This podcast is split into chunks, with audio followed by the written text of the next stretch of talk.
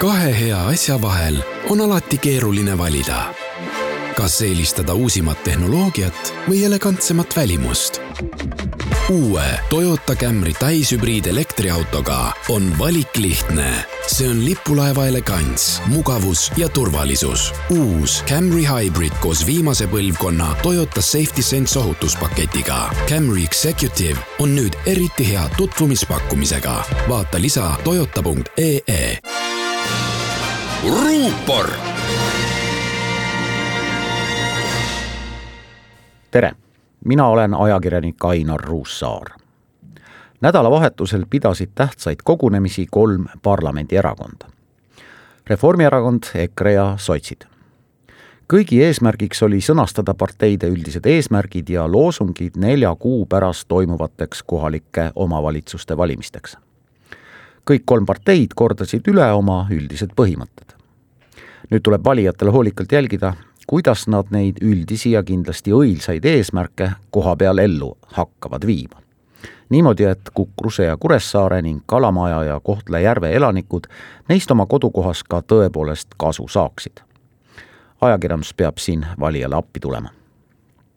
Reformierakond lubab paremini hoitud Eestit.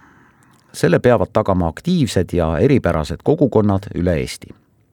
ja muidugi kokkuhoid millele vaatamata lubavad nad hoida eesti keelt ja kultuuri, lapsi ja lapsevanemaid, puhast loodust ja liitlassuhteid. üle-eestilise kampaania ajal saavad inimesed oravate bussituuril kohtuda armastatud ja vähem armastatud poliitikutega. Pärnumaa ja Tartumaa inimesed saavad tasuta pannkooke.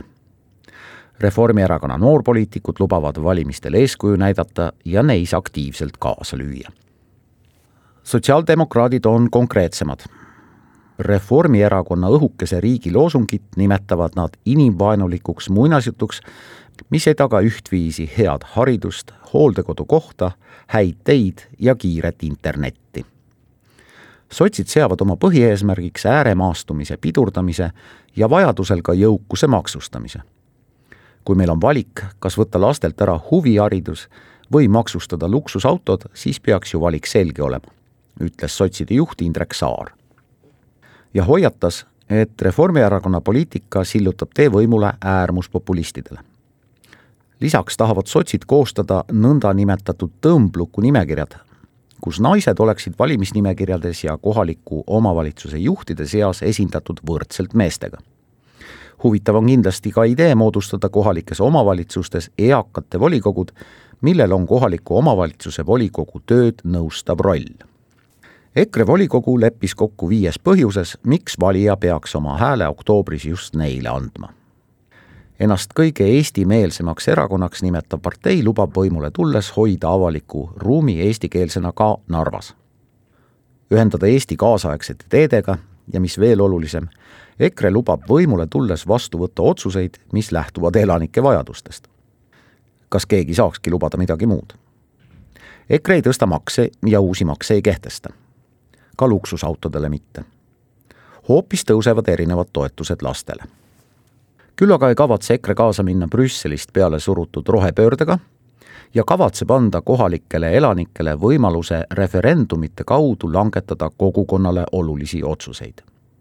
millegipärast lubavad rahvuskonservatiivid kohalike valimiste eel, et rahvas saab tulevikus ise presidenti valida. ja veel lubavad nad, et ei luba valetamist erakondade ees on nüüd järgmine ülesanne. timmida need üldvalimiste jaoks hästi kõlavad loosungid sobivaks erinevatele valijatele erinevates Eesti paigus. Anne linnast Alutaguseni. kui see nii ei lähe, siis juhtub paremal juhul see, mis juhtus nädalavahetusel Lätis. ka seal olid kohalikud valimised, mida saatsid arvukad üldsõnalised lubadused. valimisaktiivsus oli aga lõunanaabrite ajaloo madalaim, vaid kolmkümmend neli protsenti Eestis oli viimastel kohalikel valimistel osalusprotsent siiski üle viiekümne. üks oluline asi veel, millele juhtis tähelepanu Toomas Matson. Kuna erakonnad üksteise järel annavad kohalike valimiste kampaaniatele avapauke, siis on kodanikena põhjust lähikuudel taas tähelepanelikuma pilguga vaadata, mis hakkab toimuma omavalitsuste väljaantavates infolehtedes, mida mõnel pool on enne valimisi kasutatud võimulolijate propagandakohana eks me siis näe, kui paljud tänased võimulolijad suudavad teha valget valimiskampaaniat. mina luban teile, et jälgin seda kindlasti ja toon oma tähelepanekud tulevikus ka teie ette. ruupor